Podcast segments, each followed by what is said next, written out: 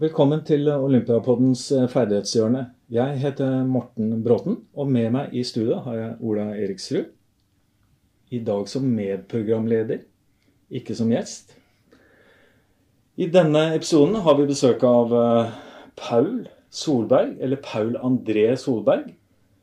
Du er eh, leder for kraft-styrke-avdelingen i Olympiatoppen og fungerende fagsjef. Men først så har jeg lyst til å gratulere deg med noen OL-resultater. Kan du si litt om det, Paul? Hvilken rolle er det du har der? Ja, nei, jeg har jo vært med litt, og det var jo veldig gøy nå i, i sommer. Når eh, Eivind eh, fikk eh, sin medalje i OL. Ja, jeg har vel fulgt opp han siden 2008 primært, for han var 17-18 år fysisk. Og mm, har jo sett at det har vært noe der, selvfølgelig, hele tiden. Så det var utrolig gøy når han endelig nå kunne, kunne få det ut. Ja, det er, eh, det, og vi gleder oss til å høre mer om bakgrunnen, det faglige, mm. eh, rundt eh, det. Du har sikkert en del erfaringer med han som du ville formidle. Mm. Eh, hensikten er å lære av det beste. Eh, men eh, i tillegg har vi tenkt til å at vi belyser en del prinsipper eh, for motorikk og ferdighetsutvikling sett fra kraft-styrke-perspektivet. Mm. Men eh, du kan jo si litt, om, litt, mer om din bakgrunn, da. Ja. Kommer fra Halden og bor i Halden nå. Har bodd i Oslo i, i mange år imellom der. Har bakgrunn fra friidrett, spydkaster og håndball særlig.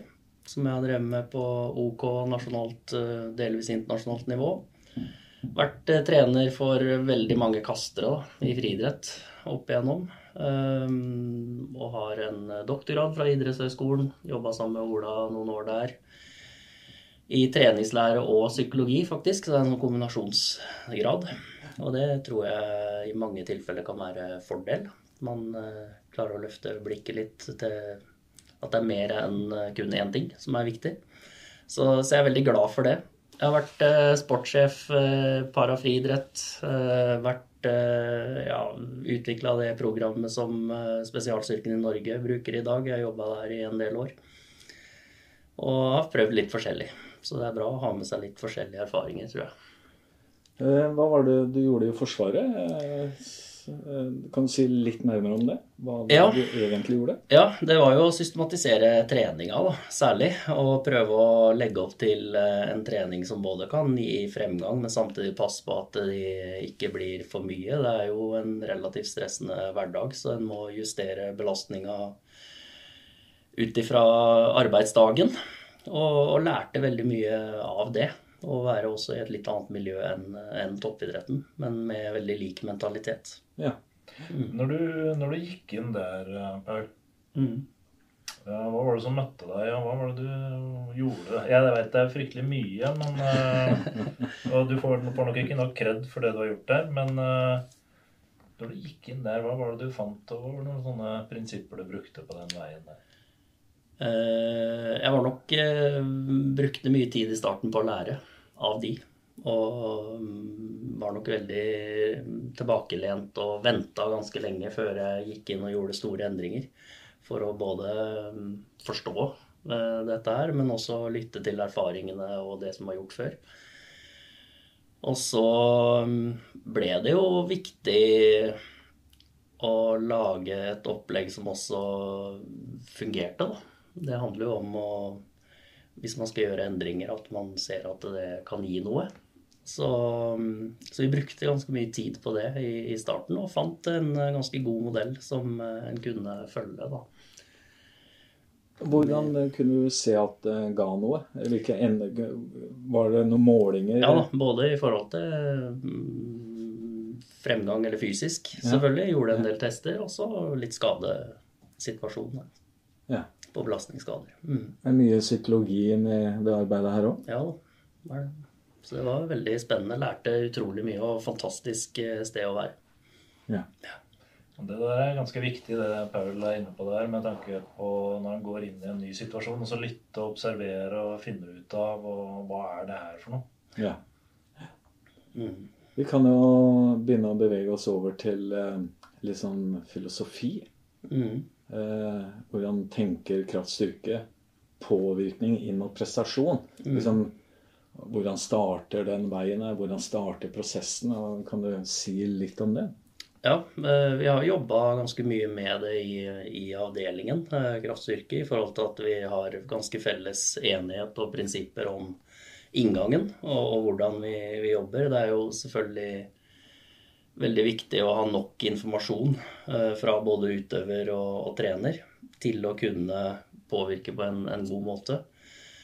Og vi liker nok å starte, eller vi har alltid en sånn Vi skal helst faglig begrunne det vi gjør, med enten forskning eller kompetanse som er der. Og så blir det en sånn treenighet mellom trener og utøver sin erfaring, litt som jeg sa i stad, med hva mm. som har virka, og vår erfaring, som vi har med oss i, fra mange år som trener eller utøver sjøl, og forskning.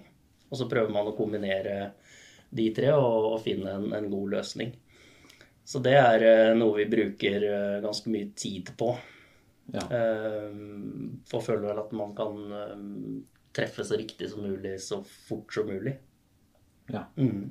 Hvilken betydning har, det har når idretten kommer med en bestilling eh, som ikke er eh, å si, eh, er, i, er i deres eh, utgangspunkt, da.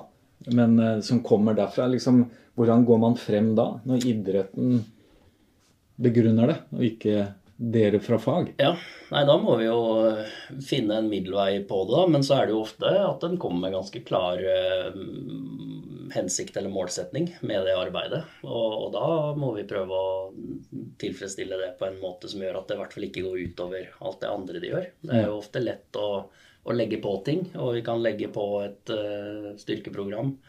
Men det er jo derfor det er viktig å vite noe om denne totalpakka til utøver og ha nok informasjon om om alt det andre de gjør. Ja. Um, og så er det å ha gjerne en klar hensikt for en periode og prøve å påvirke det. Om det er å øke muskelmasse, eller om det er hastighet, om det er spenst, eh, maksimal styrke.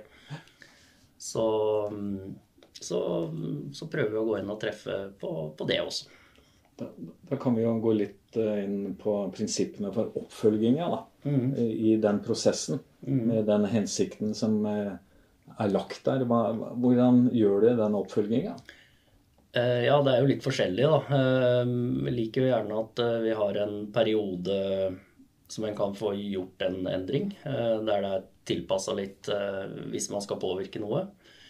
Og så er det jo viktig å ha god kommunikasjon med hovedtrener hele tiden. Ja. Sånn at man vet litt mer om belastninga på de andre øktene. Det er som jeg sier, jeg kan jo lage verdens beste knebøyprogram, men det kan også være verdens dårligste knebøyprogram. Hvis alt det andre de driver med, ødelegger for det programmet, eller det er for hardt eller mm. for tøft. Så, så, vi prøver å være litt påpasselige på det, på den totalen til eh, utøver, og hva vi faktisk kan gjøre og ikke gjøre. Og i mange tilfeller så blir det jo, jo mindre, jo bedre. Eh, at det er så lite som mulig som kan gi påvirkning. Ja. Eh, for da går det som regel ikke utover det andre. Og de fleste utøvere vi jobber med, trener jo ofte åtte-ti økter i uka i tillegg, kanskje, til to-tre styrkeøkter som skal legges inn eller skal på plass. Eh, bare et spørsmål som dukker opp i hodet mitt eh, nå. det er eh, hvilke idretter er, er mest utfordrende? Jeg tenker på, Du har kraftstyrke, kraftidrettene, og så har du utholdenhetsidrettene. Hvilke gir største utfordringer i så måte? Eh, det er egentlig todelt, for det er veldig utfordrende å jobbe med kraftidrettene. Fordi de har jo ofte tatt ut veldig mye. Så det er klart, mm. når du er eh, tatt ut eh, stor kapasitet innen da styrke eller power, så betyr det at det krever veldig mye å øke videre. Og det krever ofte veldig mye trening for å få opp noen få prosent til, f.eks. i rykk eller i knebøy, hvis de har gjort det i mange år og tatt ut mye av kapasiteten på det allerede. Mm. Så det er jo veldig utfordrende, for det er jo vanskeligere da. Men så har du jo også de som trener veldig mye annet ved siden av. Um, der du skal passe på at det ikke går utover det. Eller at de har en idrett der både utholdenhet og styrke er viktig. Så det er, begge deler er typisk roing eller bryting, og ja. som har veldig mye tøff trening ved siden av. Men samtidig så er det jo ofte ikke tatt ut kapasiteten så mye. Så det er også enklere å øke. Så det er, det er todelt. Det er utfordrende med at det er veldig mye hard trening ved siden av. Ja. Men samtidig så føler jeg at det kan være lettere å påvirke enn en som har trent veldig systematisk kanskje i ti år innen en kraft- eller styrkeidrett. Det er også vanskelig å få de bedre. Veldig mye av det man gjør, kan gjøre at de blir svakere. Ja. Fordi de, har, de er så høyt nivå. Så vi prøver å passe veldig på det. Men i forhold til de idrettene som har eh, en stor komponent av både utholdenhet og styrke, så er det flere måter vi kan gjøre det på. Det er enten å prøve å blokke treninga litt, at det er perioder der man gjør mer styrketrening og litt mindre av alt det andre, for å prøve å få litt større påvirkning. Eller at vi passer på å legge øktene ganske riktig i forhold til resten av øktene som kommer. Så vi, vi bruker jo veldig mye tid i avdelingen på dette med treningsplanlegging og generell treningslære for å få riktig rekkefølge på påvirkninga eller perioder vi kan påvirke mer for å løfte det opp et hakk. Og så er det mye lettere å vedlikeholde. Da kan det jo gå tilbake igjen til mer utholdenhetstrening f.eks. Og så bare vedlikeholde det løftet vi gjorde i perioden i forkant. Når du sier vedlikehold, hvor mye handler det om? Ja, Det er jo også individuelt, men det ser jo ut til at én uh, skikkelig god styrkeøkt i uka på den kapasiteten, så kan du vedlikeholde ganske lenge. Uh, I noen tilfeller to litt ja. lettere økter. Uh, så hvis du har løfta en utøver 5 10 i ja, si knebøy, da, som er enkelt eksempel, så kan du klare å vedlikeholde det f.eks. i sesong eller på en sånn mye lettere måte enn å løfte de. Ja. Det krever ofte litt mer å få de opp. Det er, det er, veldig fint at du konkretiserer det, sånn at uh, folk som hører på, liksom forstår akkurat hvordan du tenker og hvordan du legger opp de, de blokkene. Men det her fordrer jo at utøvere er med på programmet, ja. og at hovedtrener, som du er inne på, kommunikasjonen der. Helt klart. Den må være uvurderlig i en sånn ja. prosess. Og da er vi jo veldig nøye på det at det er en klar hensikt med en sånn periode og at det er et ønske fra utøver og, og hovedtrener. For det er alltid hovedtrener som, som, skal styre. Og så kan vi godt diskutere hva som er viktig og ikke viktig å legge vekt på, men at eh, det, må, det, er utrolig viktig at det kommer fra utøver og hovedtrener. Og så finner vi en god løsning eller hensikt med perioden. Du har jo vært inne på uh, begrepet her generell og spesifikke øvelser eller tiltak. da. Mm. Men eh, litt tilbake igjen til treningsprosessen. Hvordan bygger dere Eller hvordan er tankene for eh, å gå fra det generelle og inn i det spesifikke? Mm. Hva, hva, hva, tenker dere den, Hvordan tenker dere den prosessen? Ja, nei, vi er Det er litt individuelt ut ifra hvor ja. utøvere er. Eh, og hvilket nivå de er, og treningserfaringa de har. Har ganske mye å si. Um, og så er det jo en sånn Det er jo diskusjonen i treningslæra òg, ikke sant. Uh, generelle versus spesifikke. Hvor mye imellom der skal du drive med? Ja. Skal du gjøre det generelle og drive med idretten din, og så er det greit? Eller skal du holde på en del i skjæringspunktet imellom der? Og hvor mye tid man skal bruke på det. Jeg har ikke noe klart svar på det. Og det går nok mer på at vi prøver å se hvor utøvere er, og hva de eventuelt kan trenge. Vi har jo noen som er eh, kanskje generelt trenger bedre generell fysikk, da. Mm. Og da er det jo det man kanskje skal bruke tid på. Mens andre kanskje bør gjøre mer av idretten sin. Uh, og så er det det. Og så prøver vi jo å diskutere med hverandre og, eller med andre fagavdelinger, motorikk og ferdighetsutvikling, og prøve å finne hvor er det vi tror at vi kan hente mest. Det mm. tror jeg er fordelen vår på Olympiatoppen, at vi har mange rundt, og vi kan ha litt forskjellige synspunkter. Og bruke litt tid på det. Ehm, men jeg ser jo i mange tilfeller så, så kommer du veldig langt med å gjøre generell trening. Ja. Ehm, fordi det er jo ikke sånn at det er null overføring fra knebøy til hurtighet, f.eks. Uh, ikke sant? Så hvis du ser at her trengs det mer fart, så kan det være at det jobber med generell styrke i starten, og så går man jo mer og mer spesifikt. Når, når du sier spesifikt, da, er det inn mot ferdigheten? At det ligner mer og mer på ferdigheten, men med belastning? Det... Ja, det er jo også Spesifitet er jo noe som eh, vi òg diskuterer mye, men jeg tror spesifitetsprinsippet er ofte litt misforstått, for mange tenker at det ligner på bevegelsen, da er det spesifikt. Mens eh, hos oss eh, på kraft styrke så tenker vi jo at det er jo hastigheten på bevegelsen, kanskje, eller kontraksjonstype. Hvis det er mye eksentrisk, det er isometrisk, det er konsentrisk som er viktig for idretten, så er det jo den treninga er jo også da til viss grad spesifikk. Og ikke bare at det ligner. For det kan jo være at du gjør noe, simulere en idrettsbevegelse, typisk kast, men så går det veldig sakte. Mm. Det er langt, Et spydkast f.eks. som har 125 km i timen i, i utkastet, og så driver du og baner dette med strikk, og det går fryktelig sakte. Er det spesifikt? Man skal i hvert fall stille seg spørsmålet. Eh, Så vi, vi har liksom flere måter å tenke spesifitet på. og er nok ikke alltid der at det bare skal ligne. Vi prøver jo selvfølgelig å tenke at muskel som blir brukt, Mm. bør påvirkes. Men at eh, spesifitet handler også om eh, kontraksjonstype og hastighet i bevegelsen. Ja, for Det skulle være liksom litt min, min kommentar her. For det er veldig mange måter å tenke på spesifisitet. Mm. Og Du kan jo tenke muskel, kontraksjon, virkemåte. Mm. Uh, og så kan du tenke bevegelse, eller da kinematikken Mm. i, i, i, det hele. At det ligner, at sammensetningen er lik. Eh, og i kontraksjonsform så ligger også hastigheten på det. Så jeg tror det er veldig viktig for, for lytteren å så tenke gjennom det. For jeg, jeg tror spesifisitet har blitt sett på som uh, tradisjonelt sett da, at uh, hvis bevegelsen ligner mest mulig på oppgaven, så er det spesifikt. Mm. Men så må man også ta et steg tilbake og så evne og så se inni kroppen. ja, Hva er det som skjer der? Hvordan er det kontraksjonene ser ut? Og hvordan er det ikke minst synergiene ser ut? Og da kan jeg bruke forskjellige målinger og se på koordinasjonsmønstre gjennom og, og, og muskelbruk i, i Mm. øvelsene. Og det veit jeg jo dere har gjort, og jeg, det er jo uvurderlig. Mm. For da treffer du på det koordinative mønsteret. Hvis du treffer på det koordinative mønsteret i forhold til bruk av muskler, og så legger på hastigheten og, og Mm. muskulær virkemåte på det, så, så er det ikke sånn uh, nødvendigvis at det må se akkurat ut som aktiviteten. Så det tror jeg er veldig viktig at lytteren reflekterer litt over. Ja, og tenker litt over det. Og vi har jo, og så er det litt på hvor utøvere er, da, Mm. som vi snakka om. At hvis det er en generell fysikk og kapasitet som mått, så kan det hende man begynner f.eks.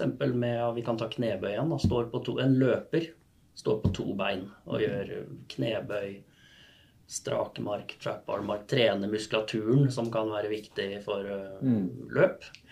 Og så går man jo over på enfotsøvelser, som selvfølgelig er mer spesifikt for løp. Å, det er jo sjelden du står på to bein med beina parallelt i en idrett og trykker på noe. Men det er jo også for å få belastninga og få i gang systemet og øke den generelle kapasiteten. Og så prøver man å dra det mer over mot det spesifikke.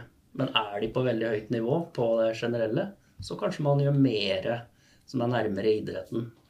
Eh, Ja, som ligner? ja, det det? ja, for eksempel. Eller eh, Ja. Men eh, det er en forutsetning at eh, hastigheten på det eh, kanskje er i samsvar med idretten. Ja, på- vi skal i hvert fall tenke over det. Det har jo vært enkelte studier som har antyda at du faktisk kan bli dårligere av å simulere en bevegelse som går veldig fort og veldig sakte. Mm. Og det er jo noe vi er veldig opptatt av på Olympiatoppen, og vi diskuterer oss imellom. At vi passer på at det vi gjør, ikke gjør de dårligere. Og det er et sånn viktig grunnprinsipp som vi må ha i bakhodet. Det kan hende det er ganger at vi gjør ting som ikke har kjempestor positiv effekt, Mm. men at de i hvert fall ikke blir dårligere av det. Og, og da har det jo kommet som sagt enkelte studier der en bevegelse som er automatisk eller automatisert, som går- er veldig høy hastighet i, hvis du begynner å simulere det for mye, så kan det hende det går utover den automatikken, og at det går mm, rett og slett saktere. Da. Så, så da er det kanskje bedre å gjøre litt mer spesifikt som er lenger unna. Mm. Eh, Jeg har jo sett eksempler på utøvere som har drilla seg dårligere, ikke sant? I stedet for å gjøre øvelsen. Jeg jeg ser jo fra den idretten jeg kommer, da, som er turn, Mm. eh, hvor man i en tidlig motorisk læringsfase Mm. eh, driller gjerne bevegelsene langsomt Ja. før man på en måte begynner å sette fart på det. ja. Så det Det er jo tenker jeg er eh, fint, og da går det på hvor er utøver, da. Ja. Mens får du inn en som er på veldig, veldig høyt nivå, så skal man kanskje tenke litt igjennom hvor mye av dette ja. kontra det andre. Det, men det er igjen individuelt, tror jeg. For her er du jo også inne på litt progresjon, som du er inne på. ikke sant? Mm. Treningsalder og forståelse og, og, og, den biten. Samtidig så har du også variasjon som ligger i det her. Ja. Som du kan trekke opp og ned på. Mm. Ja. Man bruker for eksempelvis da hastigheter. Ja. Så, og det er også en måte å variere på. Og, og vi på kraftstyrke særlig, det snakka vi jo litt om tidligere her òg, men at vi bruker jo treningsprinsippene hele tiden. Med belastning, tilpasning, progresjon, variasjon versus spesifitet. Og det er en sånn evig diskusjon man gjør med seg sjøl eller med kolleger. Hvor mye skal vi vektlegge hva? Mm. Og så har du enkelte kanskje idretter som har veldig mye variasjon i seg håndball kan være en sånn idrett. Det er kondisjon, det er spenst, det er hastighet, det er uh, armer og bein. Uh, kanskje er det da greit å også variere noe på trening, eller skal vi bare trene spesifikt? Og så er det andre som er veldig yeah. spesifikke. Og jeg, vi er nok, og i hvert fall jeg har nok en sånn grunnholdning om at repetere det som er viktig, ofte nok.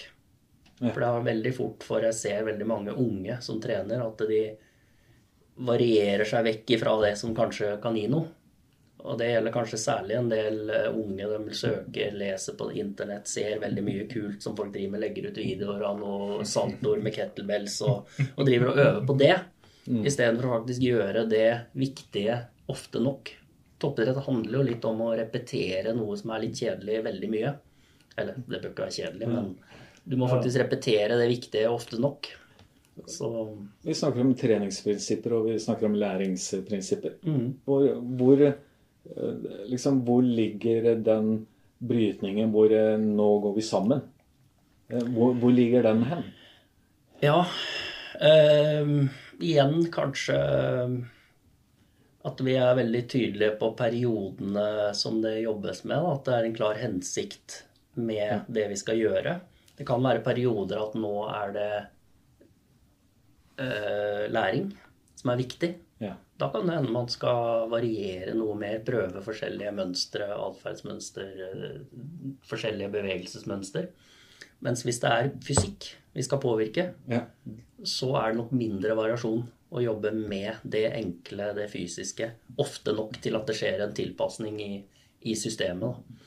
Um, så jeg tror å passe på at man ikke prøver kanskje å gjøre begge deler altfor mye. Så kan det hende at når utøvere er på veldig veldig høyt nivå, har tatt ut veldig mye av den mm. fysiske kapasiteten. At det blir viktigere å fokusere på læring, forståelse, feeling, som vi kaller det, kjenne etter.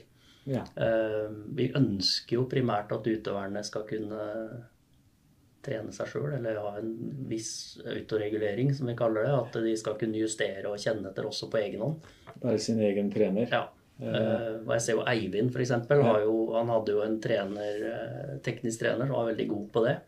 Og har jo, etter at han gikk bort, trent sjøl på egen hånd. Ja. Og klart allikevel å komme opp på det nivået. Ja. Og det har jo med at han har lært det fra han er helt ung, og, og vet nøyaktig hva han skal gjøre, og hvordan det skal føles. Og når jeg setter opp program til han, så kan det f.eks. stå tre til fem serier ganger fire til seks repetisjoner. To til tre reps i reserve. Så det er jo et intervall i det oppsettet. Mm. Og han kan jo gi seg noen ganger etter tre serier, da. I knebøy eller i ja, ja. Mens andre gang gjør han fem. Ja. Han føler seg bra. Ja. Og vi ser jo når vi gjør målinger og testinger, at det bare er en enkel øvelse som knebøy eller benkpress kan jo variere 5-7% avhengig av dagsform. Og jeg kan ikke alltid vite om han har hatt en dårlig natt og sove dårlig. Jeg sitter jo hjemme som jeg sier, med en kaffekopp i godstol og lager program mange uker frem i tid. Det er jo i beste fall kvalifisert gjetning hva han skal gjøre om åtte uker. Og det er jeg ganske bevisst på. Og i hvert fall når du har en sånn type utøver som, eh, som, er veldig god på dette, her, så kan man gi mer intervaller. Mens ferskere utøvere, der du skal påvirke en spesifikk egenskap, styrer man nok mye mer ja. i en startfase og setter de krava til at det, sånn, sånn, sånn gjør vi det. Og så, så sånn er det greit. Sånn er det vel også i forhold til ferdighet. Ja, I en startfase det. så er man inne og kanskje styrer i større grad ja. før man begynner på et tilpasningsnivå, ja. hvor variasjonen kommer inn. Ja. Men i forhold til lytteren så må jeg bare si at når vi snakker om treningsprinsipper Mm. og læringsprinsipper, så er, det, så er vi på et tverrfaglig nivå Ja. sammen med kraftstyrke. Ja. Så det, det er jo det som er utfordringen for oss på Olympiatoppen. Når jobber vi tverrfaglig? Og når bør vi jobbe tverrfaglig? Mm. Så, men eh, du er inne på den individualiteten da, Mm. i det arbeidet her. Så det er om å gjøre Ja. Se den. Det er det, og vi prøver jo eh, i mange tilfeller, og vi kjenner jo hverandre heldigvis bedre og bedre og ganske godt, så vi vet jo også hvilke gode egenskaper eh, andre har og på andre avdelinger. Og det er jo viktig da at vi når vi jobber tett med en utøver, å være gode på det. Og kommunisere med hverandre, og, for det tror jeg er en av styrkene vi har på Olympiatoppen nå. At vi kan bruke hverandre. Og vi har litt forskjellige bakgrunn og ferdigheter og kapasiteter. Og bruke det til det beste for utøver. Ja. Ehm, Det er det. Eh, Jeg er jo er så heldig å være med på en utøver som du har med å gjøre, en diskoskaster. Eh, Hvor eh, vi jobber tverrfaglig. Ja. Du er med eh, i enkelte økter eh, som jeg styrer sammen med eh, den utøveren. Mm. Eh, og du er med og komplementerer eh, kompetanse- og kunnskapsnivået rundt utøveren. Mm. Eh, og det Personlig så er det et viktig poeng for meg. Ja. Når jeg inviterer Ola f.eks. inn i øktene, så er det for å fylle rommet med kunnskap og kompetanse. Helt klart. Og dette her er jo en utøver med voldsom fysikk. Som har tatt ut veldig mye, og da, jeg har jo fulgt han noen år nå. Og da tror jeg også det er veldig viktig å legge til hva skal vi si, din kunnskap og ferdigheter som vi tror kan løfte det videre. Eh, For her er det begrensa hvor mye det er å hente på å jobbe med ren eh, kraft eller power. Det er eh, enorm fysikk der, og da tror jeg vi skal være veldig åpne på det. Hva skal vi bruke tida på nå for å, Ja. Å få denne utøveren videre? Han var jo i finalen i OL, så det er jo en fantastisk eh, god utøver. Eh, Du har snakka mye om selvtillit, eh, Paul. Uten å, at vi er psykologer. At det er en det er viktig å skape den selvtilliten i prosessene. Hva, hva, legger du i det? Ja. Jeg er vel for så vidt har jo den bakgrunnen, så det har blitt en sånn viktig greie egentlig i alt jeg gjør. At jeg må sørge for at eh, det er en eller annen selvtillit eh, der. Og det kan noen ganger være at man, og det snakker vi om en del også på Kraftstyrka, at vi velger å gjøre ting som kanskje ikke sånn fysisk eller idrettsmessig har mest påvirkning. Men vi vet at det er viktig for utøver, for at de skal føle seg bra. Ja. Og det var nok noe jeg lærte en del når jeg jobba med soldatene i Forsvaret. da. At noen ganger måtte jeg gjøre ting som kanskje ikke rent sånn prestasjonsmessig er kjempeviktig, men jeg visste at det var bra for at eh, en skulle føle at eh, det var bra. Og i enkelte tilfeller er det utøvere trenger å trene veldig hardt for å kjenne at de har gjort jobben. Så da må vi passe på kanskje å legge inn det. Ja. For da ser vi at nå trenger de å ta seg ut. For da mener de at de har trent veldig bra. Og så kan jo vi være uenig i det Ja. som fagpersoner, at det er ikke, men du ser at det er viktig for dem. Og da, da bør vi gjøre det. Jeg tror for mange er det ganske viktig. Hvis vi bare blir gående og kjører mye lavintensitet, drilling, veldig mye lett trening, så kan det hende at de mister eh, troa litt. Og har vi skada utøvere, så prøver vi jo alltid å finne en egenskap som de kan øke. Og det tror jeg er ganske viktig. eh, At du gjør noe i tillegg til bare rehaben. Ja. Eh, For det er en del utøvere på toppnivå. Det kan være hardt å, å gå og rehabilitere seg i månedsvis. Men at vi da må finne én ting, en kapasitet. Og da er de jo litt opptatt av å dokumentere at de har hatt fremgang. Så vi bruker jo litt tid på det, og enten å teste, da, særlig. For det, testing kan jo si hva man vil om hvor viktig er det, og testen er unøyaktig og sånn. Men for en utøver som ser at de har hatt fremgang, og du kan faktisk vise det, Mm. Eh, det å gi oss selvtillit. Ja.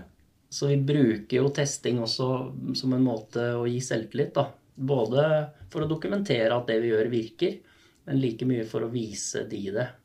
Ja. Uh, og det, det, tror jeg er ganske viktig, for de går jo og kjenner etter hva jeg føler meg bedre, jeg tror jeg er bedre. Men hvis de også vet at de har blitt bedre på det du har trent på, så, så tror jeg det er en viktig greie. Så det, det er nok den uh, systematikken i det der òg er uh, viktig. Så vi bruker jo mye tid på det generelt. Det er dette med treningslære, men også å dokumentere litt. Mm. Og teste. Med at man har veldig god kontroll og oversikt. Det gjelder jo også på både skala, men ikke skade òg. For det er som jeg sier, eh, håp er ikke en metode. Det er Det er ikke det. Ja, vi satt, det er flaks. Vi kan ikke satse på det. Vi må vite at det vi gjør, har gitt noe, og så bruker vi det litt og, og øker selvtillit. Og så er det alltid vanskelig, syns jeg, med utøvere som får kanskje en dårlig test. Det har vi jo hatt noen ganger, også kanskje til og med nærme en viktig konkurranse. Så der er jeg fryktelig nøye hatt enkelte utøvere som jeg vet at selvtilliten deres avhenger litt av å teste bra. Da må vi jo liksom snakke med dem en del om det, og så velger man jo Man får jo en viss formening om hva de kan teste bra på og ikke. Så du velger jo da selvfølgelig de testene som du vet at de kommer til å gjøre det ok på. Det ikke, ja. Hvis du gjør en tren, som trener, hvis du gjør en dårlig test, er med på det sammen med utøveren, hvordan takler du det da som trener? Ja, da vet jo vi ganske mye om eh, biologisk variasjon på testene. da. Så hver eneste test eh, har en variasjon på alltid fra 2 til 10% og vi vet hvilke av de som har det. Og veldig ofte er det å si typisk counter moment jump eller spenst på kraftplattform. Det er en vanlig test som vi kan bruke ganske mye. Mm. Så mange utøvere også vet sånn cirka hva de har, og hvor de hopper. Og så har de ligget på si 50, da. Og så hopper de 49. Blir veldig skuffa, ikke sant?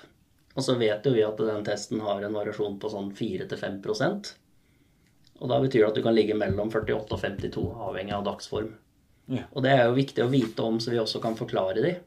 At hvis du hopper 49 og fryktelig skuffa og helt eh, verden ramler sammen, så er det jo for det første er kanskje ikke testen så viktig for idretten. Og for det andre så vet vi at det varierer. At hvis vi tester i morgen igjen, så kanskje du hopper 51. For det er så lite. Så den nedgangen eller fremgangen må være større enn variasjonen. Da kan vi si at nå har du hatt en reell fremgang eller en reell nedgang. Den er ikke tilfeldig. Så det har vi brukt veldig mye tid på. og Gjøran starta jo opp det før jeg kom òg, men jeg har jo brukt mye tid på det. At alle testene vi gjør, vet vi hvor mye de varierer fra dag til dag på utøvere. Og det, det tror jeg er ganske viktig. Og så, og så er det jo dette hvor viktig er denne testen for idretten. Vi ser jo veldig ofte i friidrett, som jeg har bakgrunn fra, da, Særlig kanskje spyd, som er en Egentlig presterer du best når du er på 90% 95% fysisk. Og det er også noe man må snakke med utøveren om. Eh, det er veldig hastighet. Du er eh, teknisk veldig god. Ofte når man er kanskje på 95% Mens når man er da sterkest i knebøy, f.eks., i, i spyd Det er ikke alltid da man kaster lengst. Men når du er rett under og kan ligge der og være god teknisk, alt er ok. Og det er jo viktig å lage en sånn forståelse for utøver at hva du gjør på den enkelte testen, har egentlig ikke Det må i hvert fall ikke ha så mye å si for prestasjonen i idretten, men vi bruker det jo for å dokumentere at det vi gjør Hvis du ønsker å påvirke spenst, så vil du gjerne teste det. Ja. Og gi da litt regelmessig. Det ligger jo et veldig sånn enkelt overordna begrep rundt det du snakker om her, og det er mestring. Ja. Det er jo en sånn grunnleggende greie iboende i mennesket. og hvis du tenker sånn Du legger opp til øvelser, du ser fremgang, du føler mestring. Mm. Det er klart det her gir selvtillit. Ja. Og det bringer oss uh, seinere kanskje snakke litt om barn og unge òg, men det der med mestring mm. uh, er jo en fryktelig viktig greie. Ja, det, og det, det, er uavhengig av nivå, uavhengig av alder. Ja da, det er det. Å bruke litt eh, tid på det. Og selvfølgelig, noen ganger så er jeg føler jeg nesten at jeg er ren psykolog. For jeg velger jo en kapasitet å satse på som jeg vet at jeg lett kan øke. Mm. Og det er bare for å, at de skal føle mestring. Du, en, du, kan alltid plukke en, hva skal vi si, en litt svak egenskap og jobbe med den. Det er mye mm. lettere å få fremgang på det enn noe som er tatt ut over ti år.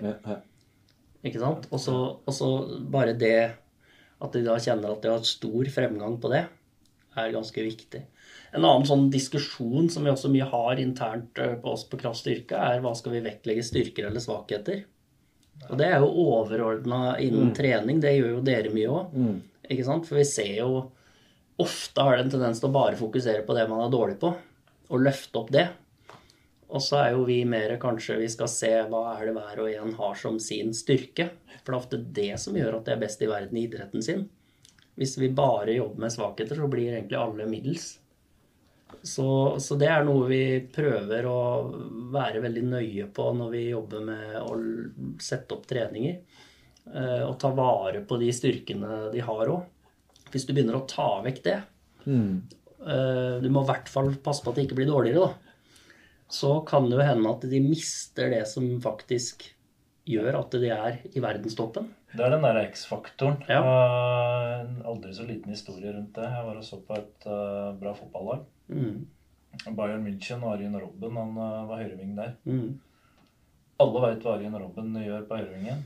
Han løper ned vingen, og så kutter han inn til venstre. Så Da var det veldig interessant å se på oppvarminga til Bayern München. Alle gjorde en slags felles generell oppvarming. Mm. Robben trente på det. Han gjorde det. Ja. Han perfeksjonerte det. Ja. Så den diskusjonen der den er uh, meget interessant og noe som mange bør reflektere litt rundt. Altså det, det, er noe med Eller som andre trenere, trenere, som jeg har vært i kontakt med, og sier det, som altså ikke, ikke ødelegg den her spesielle ingrediensen. Nei. Den der X-faktoren. Og vi, vi, ser jo veldig ofte det, dette med arbeidskrav, som mm. typisk er litt populært. Uh, det fungerer jo ikke på de beste. De, jo, de, er langt under på mange av krava. Og så har de én ting de er langt over, eller to ting. Og da er det spørsmålet skal vi trykke alle inn i arbeidskrav. Det er jo mm, alltid en utfordring. Jeg tror på en startfase så må vi få det opp på et ok nivå. Og så er det å jobbe med, med det som eh, er viktig, da. Skreddersøm. Ja, rett og slett. Det, det, det, det er skreddersøm, og så er det liksom hvor et, et, annet spørsmål som da ofte dukker opp i den sammenhengen. Altså, hva er det hva er liksom laveste fellesnevner, eller hva ja. er bunnlinja? Hva, ja. det, hva, er minimumskravet her? Ja. Og i mange tilfeller kan det være ganske lavt. Ja. Mens på noen ting må det være veldig høyt. Og der kommer vi også igjen inn på dette med selvtillit ikke sant? eller mestringsfølelse. Hvor mye selvtillit eller mestringsfølelse får du av å bare drive med det du er dårlig på? Eller bruke mye tid på det? Det må man spørre seg om. Skal vi lete etter feil og svakheter og bare jobbe med det? Hva skjer i hodet til en utøver da? Kontra faktisk trykke på det som gjør at de er annerledes eller bedre. Og, og noen ganger så får du jo utøvere som du tenker at uh, du klarer ikke helt å se noen fysikk som gjør at de er verdens beste utøver. Kanskje helt andre ting. Og det må vi alltid passe på. Det tror jeg vi har vi er også ganske nøye på, på huset og prøve å, å, tenke litt igjennom sånne ting.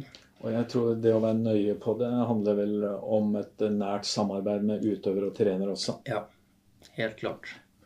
Ja, nei, for det liksom, Her kan du jo se på ulike idretter, f.eks. Ta, tar en, ta en ballspill, ta en lagidrett. da. Her, vil det, her det er jo så multifaktorelt mm. som et langt, vondt år. Ja. Og det kan jo ha noen veldig sterke egenskaper uh, på enkelte plan som gjør det prestasjonen god, og så ser du fysiske kan være langt under par. Mm. Så det er jo det er viktig å ta til seg da, og reflektere over. Mm. Det er det også. Og så se sitt eget fagfelt i et sånt i et litt større lys og ikke ha skyggelappa på. Ja. Og der tror jeg det er fint å diskutere med kolleger. og ikke sant? Vi må, som vi snakka om litt i stad, passe på at det vi gjør, er det riktige. da. Det er vel det vi nesten bruker mest tid på, tror jeg. Mm. Når vi skal bruke tid, og få tid, av trener og utøvere, og hjelpe dem. At uh, vi diskuterer litt og har en sånn enighet om at dette er det som i hvert fall litt kan løfte prestasjonene i idretten. Jeg husker en uh, fotballspiller som uh, diskuterte voldsomt trøkk Uh, eh, Testa fysisk. Voldsomt trøkk. Og så en diskusjon med, med, hovedtrener rundt vedkommende. Hovedtrener sa ja, men det, det, der der ser vi jo, men det hjelper jo ikke det. Han er på feil sted til feil tid. Så det er liksom å se det her i det tverrfaglige. Ja. Ja, og eh, viktig for oss i det samarbeidet vi har, det er at vi tar vare på helheten til utøveren. Mm. Derfor så må vi kommunisere og jobbe tverrfaglig. Ja. Hvilke andre avdelinger er dere er involvert i enn motorikk og ferdighetsutvikling? Ja, jeg jobber jo godt med utholdenhet på en del idretter. Vi står jo i, som vi snakka om i stad, det er en del idretter som har en stor komponent av både utholdenhet og styrke i seg. Og, og da bruker vi å spare en del i forhold til Det gjelder jo særlig totalbelastning, som er kjempeviktig. For mange av de utøverne kan ha enorme mengder med trening totalt. Mm. Og da er det interessant. Og så er det jo mm, i forhold til rekkefølgen på økter, kan vi diskutere passe på å vedlikeholde den andre kapasiteten. Um, og så er det jo selvfølgelig ernæring uh, i forhold til muskelvekst. En del idretter har jo Enten er det vektklasseidretter der kroppsvekt har en del å si, at uh, vi må passe litt på det, for de er i en vektklasse de skal holde. Og da er det ernæring som vi må jobbe godt med for å ha kontroll på, på dette òg, da. Ja. Og det, det krever jo en del å jobbe på den måten, det vet vi jo. Men vi, vi får det til uh, i enkelte tilfeller med, med utøvere på høyt nivå. og Det er veldig bra. Vi kan jo si at det er tidkrevende Ja, det er det. Og, Det er det. samhandle på den måten. Ja, Men det er veldig fruktbart når vi får det til. Ja. Eh, og jeg føler jo vi treffer oftere og oftere og har en veldig god gruppe nå i fag.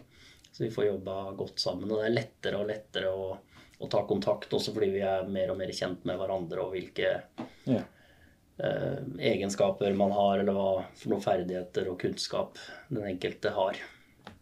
Eh, Med den erfaringen du har nå, eh, med den jobben du har i dag Mm. eh, Du har sett norsk idrett, du har vært inne i norsk idrett, toppidrett, Mm. og har på nært hold. Ut ifra et kraft-styrke-perspektiv, eh, hva skulle du ønske at man kunne gjøre bedre ut ifra ditt fagområde? Liksom, er det noen idretter som går foran som eh, ut- Går foran med et godt eksempel for andre? Eller hva- skulle du ønske at folk tok mer tak i når det gjelder kraftstyrke? Ja. Nei, det er nok mer eh, systematikken i treninga. Jeg føler ofte kan det bli litt tilfeldig. At noen ja, håndballspiller, og så får du gjort en styrkeøkt i uka, og så er det litt tilfeldig hva man gjør, men at man tenker litt nøye gjennom hva skal jeg gjøre i vektrommet i dag for å bli bedre på lang sikt og i idretten. Eh, Et sånn grunnleggende prinsipp som vi også har, som jeg tror er viktig at mange tar med seg, er jo dette med intensitet versus volum. Og vi legger jo heller ofte at du har litt lettere økter ofte. For det gir jo også fremgang. Kontra å gjøre den ene økta der du er helt ødelagt i en uke etterpå. For det kan det jo bli. Igjen, vi kan ta knebøy som et eksempel. Typisk en sånn gjør fem ganger fem RM i knebøy. Repetisjon maks. Fem serier der du går til utmattelse. Da er jo flere dager ødelagt etterpå. Og så er det spørsmålet når du må hvile i fire dager før du kan ta neste økt, kontra å gjøre to serier litt lettere annenhver dag. Da går det jo mye mindre utover håndballen hvis det er det du driver med, eller ishockey. eh, Dagen etter den knebøkta, og så får du, kan du heller trene ofte. Og vi ser jo at på sikt så gir jo det ofte nesten bedre fremgang, og du er mindre skadeutsatt. Og det går mindre utover idretten. Så det er noe jeg skulle ønske at flere kunne være litt mer tålmodig. For det var så lett for å gå inn i, i vektrommet og ha dårlig tid. Og skal liksom gjøre alt, eller gjerne ta igjen noe hvis du har vært sjuk eller ikke fått trent på en uke. Så skal du ta igjen alt på en økt. Og det, det er et sånn grunnleggende prinsipp som vi også jobber ganske mye med, at det heller litt mindre ofte. Så vil du få 98% av effekten eller adaptasjonen. Og risikoen er mye mindre, og det går mye mindre utover annen idrett. For de fleste vi jobber med, driver jo ikke bare med styrke. Det er en annen idrett de, de gjør. Så, så det er noe jeg føler at eh, vi må få snudd litt. For mye av styrketreningslæra henger igjen fra forskning, der de fleste gjorde i hvert fall tidligere RM på studier.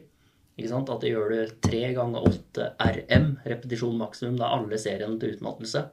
så får du sånn og sånn effekt på så og så mange uker. Ja. Men så ser vi at hvis du gjør tre ganger åtte RM med to til tre reps i reserve, som vi sier, du kunne egentlig gjort 10-12 på den motstand, så får du nesten samme fremgangen. Ja. Og det er jo helt annen restitusjonstid da, på det. Og du får fortsatt ganske god fremgang. Så når vi får snudd det nå, for det er sånn vi jobber med utøverne, vi gjør nesten aldri RM på de, Nei. eller repetisjon maks. Mens den henger igjen litt. Og kanskje er det fra gamle kroppsbyggerprogrammer som ligger ute fra Arnold og, og Bill Gates og at det, det henger igjen. Har sett på noen filmer, og de trener og får hjelp ikke sant, på slutten eh, med four streps, som vi sier. Og så Ja, tenker man at det er det som gjelder. Vi vet jo at eh, legenden Pella Refsnes Ja. eh, så veldig mye til kroppsbyggemiljøet. Ja, Ja, og, og de gjør veldig mye riktig, men jeg tror hvis du, som vi snakka om, du trener 8-10-12 økter i uka, Ja. så skal man ikke ha for mange av de øktene i vektrommet i tillegg. Eh, fordi du vil få veldig stor fremgang på å repetere ofte med litt mindre volum. Mm. Og det tror jeg er en viktig beskjed å få ut litt. Så jeg har jo hatt hockeyspillere en del, og de kan ha tre kamper i uka i sesong. Da er det søndag, torsdag, lørdag. Det går hele tiden. Og så er det, du skal jo trene oppi dette her. Mm. Og da har jeg ofte på de lagt opp til to eller tre økter i knebøy. Men det er jo da lavt volum. To-tre serier, noen reps i reserve. Og så klarer de å opprettholde det over lang tid sammen med hockeytrening hver dag og tre kamper. Ja. Og på de unge er det jo ekstra viktig, for de skal jo også sige på. De skal ikke bare vedlikeholde heller. Men hadde vi da lagt opp til en sånn utmattelsesøkt på beina, Da er du pill råtten på match. ja, råtten på match, råtten på trening dagen etter. Ja. Ja, men jeg tror det her som du er inne på her, Paul, er fryktelig, fryktelig viktig at folk Ja. reflekterer over. Også den der, det her kravet, det her målet Mm, som står der framme. mm. Uh, hvor det, det er jo en, et, et sånt, kanskje en litt sånn catchphrase som er ute der nå. Det er litt sånn mikrodosering. Vil du si at dette her hører litt under mikrodosering på sett eller vis? Eller er, Det er jo egentlig ikke det, for det er jo egentlig et stort volum. Vi tenker ikke Vi har slutta å se på volum per økt, Ja. men heller i uka. Så istedenfor å gjøre alt på den ene økta, så fordeler du det utover, da. Ja. Så det er fortsatt ganske stort volum, Ja, men det fordeles utover. ja, Ehm, og du får en, en god effekt på det. Ja. Så um, dette med mikrodosering er jo ofte litt for de som har dårlig tid og skal gjøre korte økter veldig Ja. fort. Så det er klart vi kan kalle det mikroøkt. For eksempel da, så de hockeyspillerne som jeg hadde som eksempel, gjør jo da sin beinøkt etter kamp. Ja. det ser du jo ofte Ja, ja, rett inn i gymmet etter kamp. De er varme. Mm. Og så selvfølgelig, det er jo, kan være sliten, men de har ikke vært på is mer enn 20 minutter totalt. Selv om hockeykampen var en time, så har du 15-20 minutter på is. Og du er sliten og sånn kanskje, men du klarer å trene en halvtime styrke da, med ganske lett styrke. Så, så det er jo på en måte mikrodosering på den økta, for den er ganske lavt volum på. Ja. Men i løpet av uka så, Så får de jo trent veldig mye på beina. Styrke. Ja. Så, så det tror jeg er eh, litt viktig at vi klarer å få fram. Det er sånn utøvere trener. For vi må igjen, som vi snakka om, passe på at det vi gjør, ikke ødelegger for alt det andre. For jeg kan fint ødelegge en utøver i en uke med en styrkeøkt hvis jeg har lyst til det. Mm. Og så er det egentlig resten av uka dårlig trening. En annen fordel med å gå litt ned på intensitet eller motstand, eh, kan man si, da, i hvor mye vekter de løfter på, er jo at hastigheten blir ofte litt høyere. Ja. Og det er jo veldig sjelden at du i en idrett har så lav hastighet på kontraksjonen som du har når du gjør et maksløft i vektrommet. Er, Mens hvis du løfter med noen reps reserve, så er det helt annen dynamikk og fart i hvert eneste løft.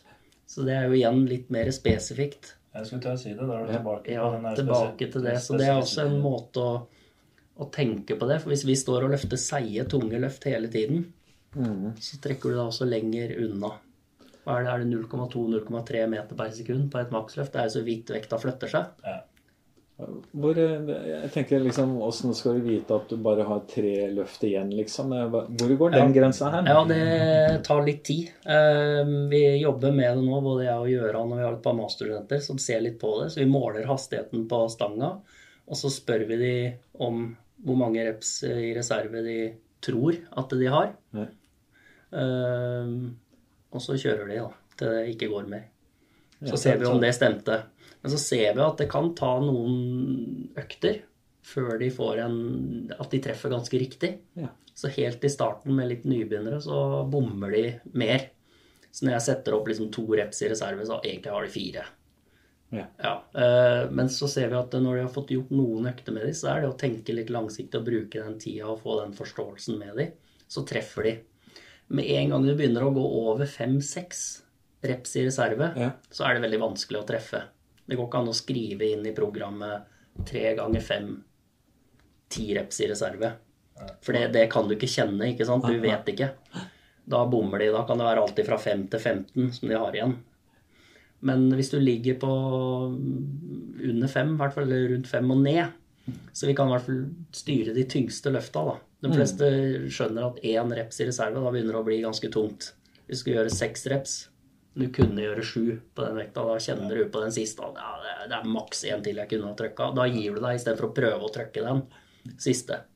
Ja, for det der, der, tror jeg veldig, Den der er veldig viktig at folk kanskje får med seg hvor mange, hvor mange reps i reserve. Ja, tenke litt det, over det når de gjør styrketreninga si. At de kan kjenne etter hvor mange tror jeg at jeg har igjen. Eh, og så går det an noen ganger på siste serie f.eks. å prøve å presse da, så mange det var igjen tipp først. Du har mm. gjort ferdig de åtte. Og så presser du gjennom Ja, jeg klarte faktisk tolv på den. Ja, jeg hadde fire.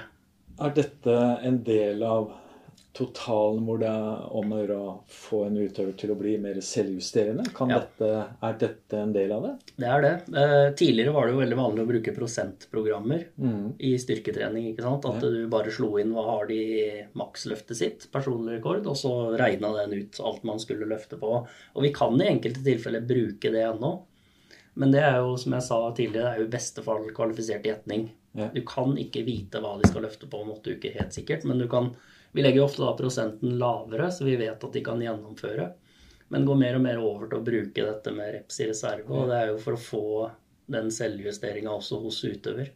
For når vi ikke er der, så skal de klare å justere treninga mm. ut ifra dagsform og hva som skal komme etter. Hva de har gjort kanskje første økt på dagen. Ofte er jo styrkeøkta økt nummer to. Mm. Og så kan det være helt tilfeldig hva de egentlig greier å gjøre. Og så slipper de kanskje å bli så skuffa, da. Hvis jeg har satt opp at nå skal du gjøre tre ganger fem repetisjoner på 100 kg, og så greier de ikke det, så blir de litt skuffa. Hvis det står tre ganger fem repetisjoner med to reps i reserve Ja, løft på det du klarer den dagen, da, med to reps i reserve.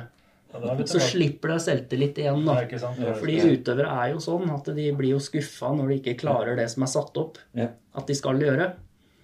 Men de klarer alltid å gjøre tre ganger fem. Men de må justere ned vekta fordi de enten har reist en 20 timer lang flytur, sove sovet dårlig, ikke fått spist den dagen. Eh, du er ikke klar til en skikkelig god økt, da. Men eh, det du snakker om nå, er jo en del av eh, det å skreddersy noe der og da i den økta. Ja. Eh, så det er jo individualisering vi snakker om. Ja, det er autonomi og individualisering. Ja, det er det. Og vi ønsker jo det på Olympiatoppen. Det er liksom både å lære dem opp til dette her, mm. og det å tenke litt langsiktig. Vi har ikke veldig dårlig tid. Kan, og da er det som jeg sier, holde igjen litt og heller tenke litt lenger. Og så er det jo selvfølgelig å, å passe på da, at de, de, får også gjort nok. Mm. Så jeg tror det er veldig mange ute der som kan dra nytte av det der, der, der når de Ja, nå er det jo januar, er jo nyttårsforsett måned òg. Ja. Hvis du tenker litt større her på det, at det ikke går inn og liksom skulle ta igjen alt det forsømte. Mm. Vi er litt over der hvor vi pleier å avslutte, Ola, på ja. det berømte spørsmålet eh, ja. som går på anbefalinger mm. eh, i forhold til eh, eller til trener for barn og ungdom. Mm. Eh, hva bør fokus være i forhold til ditt fagområde? Ja, eh, det er jo et veldig viktig spørsmål, egentlig. Det er jo ikke det vi jobber mest med. Men vi har jo, hva skal vi si, enkelte meninger om hva som kan være viktig, i hvert fall. Eh, og som vi også har sett at en del utøvere har gjort. Og jeg tror for styrketrening sin del så er det jo dette med teknikk, innlæring. Det er veldig slitsomt Slitsomt. Det er, det er dumt eh, hvis vi må bruke veldig mye tid på innlæring av teknikk på utøvere som egentlig burde kunne det 18-19-20 år. Da skal de jo begynne å trene. Og så må vi bruke lang tid på innlæring av baseøvelsene. som vi sier, Knebøy, frivending, eh, markløft. De, de løfta som de aller fleste utøvere gjør, nesten uavhengig av idrett. Så bruke tid på det, gjerne begynne ganske tidlig med det. Det er ikke farlig å, å starte med å jobbe med teknikk i, i vektrommet på relativt unge utøvere, 12-13 år. Det går helt mm. fint. Sånn at de kan det når de skal begynne å trene. Ja. Det er viktig. Og så tror jeg det er viktig at eh, man må tørre å la de prøve litt. trenger ikke å stå og rette på hele tiden i, i knebøy, og knærne går innover og ryggen er sånn og sånn. Det er såpass lett motstand at det, la de bare kjøre det noen ganger. Mm. Og så er det overraskende hvor ofte de finner ut av det og løser det ganske bra på sin måte, og åssen de anatomisk er satt sammen. Ja, det så, er du inne på noe ja, viktig. For så, det anatomisk inni jeg vil like, det er jo bare. Ja, det er fjas. Det er det. Så vi kan ikke liksom tvinge det inn i at sånn skal den kneven se ut. Men jeg pleier ofte bare å Hvis de holder på med stanga, da. Ja, det, kan, det er veldig sjelden det skjer noe fryktelig galt. La de bare holde på noen økter og få nok repetisjoner. Så går det noen uker, så har de løst det på en hensiktsmessig og ganske god måte. I hvert fall den erfaringa vi har. Det, ja, det, ja. Da snakker du om lett stang? Eller? Ja, det, det, kan være 20 kg stang, da, eller om vi bruker treskaft eller hva som helst. Det er ofte litt vanskelig å løfte med tre kosteskaft, faktisk. Så jeg liker å ha litt motstand. Mm. Ja, det er liksom Kosteskaftet blir ofte litt for lett. Du ja. føler at du liksom ikke driver og dingler med et eller annet. Du må ha et eller annet der ja, som gir deg litt motstand. motstand. Ja. Og det derre det, Hvis vi tenker litt sånn på læringsmodell her òg, så, så, hvordan da du tenker på miljøet her, så tenker du på at en sånn utforskende bruk av miljøet, rett og slett. Ja. Du, du, lar dem prøve å føle. Ja. Og bruke feedback, sin egen feedback. Ja. Altså gjerne liksom, bruke visuelle og speil og sånn. Kjempefint, det. altså, men du lar dem få lov å smake og føle litt på det, ja. rett og slett. Ja, for jeg, jeg ser jo ofte En er jo rundt og observerer veldig mye, og mange kan bruke altfor mye tid på å snakke. Og så får de altfor lite tid til å repetere. Mm. Yeah. For du må gjøre noen repetisjoner og, og gå gjennom det og prøve. Ja. Jeg er i hvert fall veldig bevisst på det, at hvis vi har én time innlæring av én øvelse, så skal jeg snakke så lite som mulig. Ja la de bare kjøre gjennom mange, mange, mange repetisjoner. Nå snakker du om eh, øvelser som skal læres eh, med stang, eh, mm. knebøy og andre øvelser med stang. Hva med kroppsvekt? Ja, og det var det neste som jeg tenker er viktig å tenke på med barn og unge. Vi ser jo typisk spenst, er jo styrketrening med kroppsvekt. Og mm, relativt viktig å jobbe med i en alder der du kan gjøre ganske stort volum av det. Det er ikke alltid så lett å gjøre det i voksen alder og øke det volumet voldsomt mye. Eh, og mange, sånn som kasterne som jeg har, er jo veldig tunge. Mm. Det koster jo litt å hoppe spenst for en på 120 kg. Det er best at de har gjort unna sine hopp når de var under 100 i hvert fall. Eh, eller det kommer jo an på type, da, spenst. Men jeg ser ofte på mange unge når jeg er litt rundt, og er jo det noen ganger, og de må liksom lære seg å ta i. Det er vel mm. kanskje det andre. At det først la de få nok repetisjoner, tørre å prøve å lære teknikk. Men det andre som trenere som jobber med en del yngre, dette å lære å rekruttere. For det er litt sånn Det er håndbrekket på i veldig mye. Du skal hoppe spenst, så, så, bør du ha en viss kobling mellom hjernen og muskel, og at de faktisk øver seg på det. Og bruke, der kan man kanskje bruke litt tid på å mm. stoppe det litt mellom repetisjonene. At nå ja. Må du hoppe som eh, Du får bank hvis du ikke klarer det, liksom. Ja. At, eh, så hvis man klarer å få til de to tinga, med å lære de å rekruttere og ta i Og dette med, med teknikk, så er mye gjort. Ja. For det er også vanskelig, tror jeg, når vi får utøvere som er liksom 22, og de har aldri blåst til da, i vektrommet. For det bør du greie med lett motstand òg. Du må, ha, de må ha tung motstand for å få rekruttert noe. da. Da er vi jo tilbake på den her spesifisiteten din. Mm. Eh, Det der med hastighetskonseptet, eller tanken. Da. Ja. Ja, nei, ja, ja, det er jo en litt sånn observasjon at det blir en sånn En spenst er ofte litt sånn halvtreig, jevn graut. Ja, Og det er det. viktig å ta de her pausene og så tenke pang, altså. ja. Det I hvert fall i, i perioder så har du jo noen perioder det er at du jobber bare med rytme og timing. Ja. Da er det ofte å ta det ned litt i intensitet, for du skal bare jobbe med timing og rytme. Mm. Men det er jo ofte på utøvere som allerede er veldig eksplosive. Typisk sprintere som løper ti blank på 100 meter, gjør jo mye av det. Fordi det er litt lettere å å jobbe med det, men de har jo allerede den evnen til å gå til. Så ja. Ja, jeg tror vi skal avslutte der, Ola. Jeg tror eh, lytterne eh, setter pris på all den kunnskapen som har kommet over bordet her, og den kompetansen som har kommet over bordet her. Jeg må si sjøl så har jeg vært med på en masterclass. Mm. Dette er eh, en typisk masterclass som, hvor eh, du har virkelig briljert med kunnskap og kompetanse. Så tusen takk. ja, takk for det. Veldig hyggelig å diskutere med deg. Hjertelig.